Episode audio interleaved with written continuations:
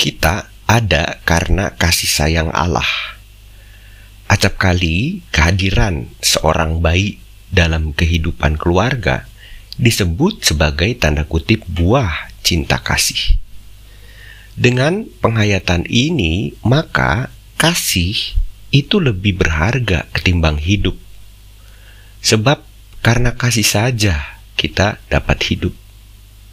Setelah itu juga penting yaitu bahwa hidup yang dianugerahkan Allah ini pada gilirannya diisi dengan tindakan kasih. Demikianlah pemaknaan spiritual kita tentang kasih dan kehidupan. Tanpa kasih, hidup kita hanya sekadar bernafas saja.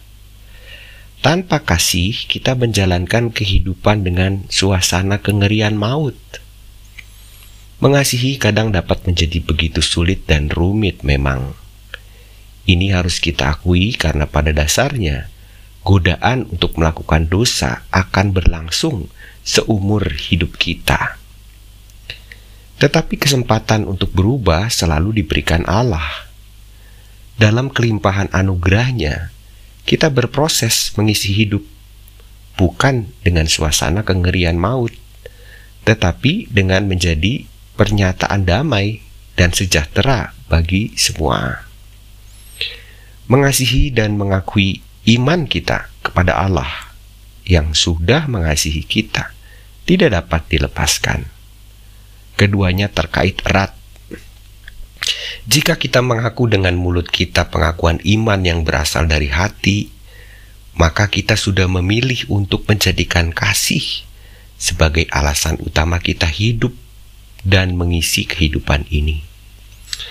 Tanpa kasih tidak akan pernah ada kebahagiaan, keselamatan, dan kesejahteraan. Sapaan kali ini terinspirasi dari Mazmur pasal 63 ayat 4. Sebab kasih setiamu lebih baik daripada hidup, bibirku akan memegahkan engkau. Mari berdoa. Terima kasih ya Allah sebab karena kasihmu saja kami ada sekarang ini. Temanilah kami dengan hikmat dan rohmu senantiasa supaya kehidupan ini kami isi dengan melanjutkan kasihmu kepada segenap ciptaanmu. Amin.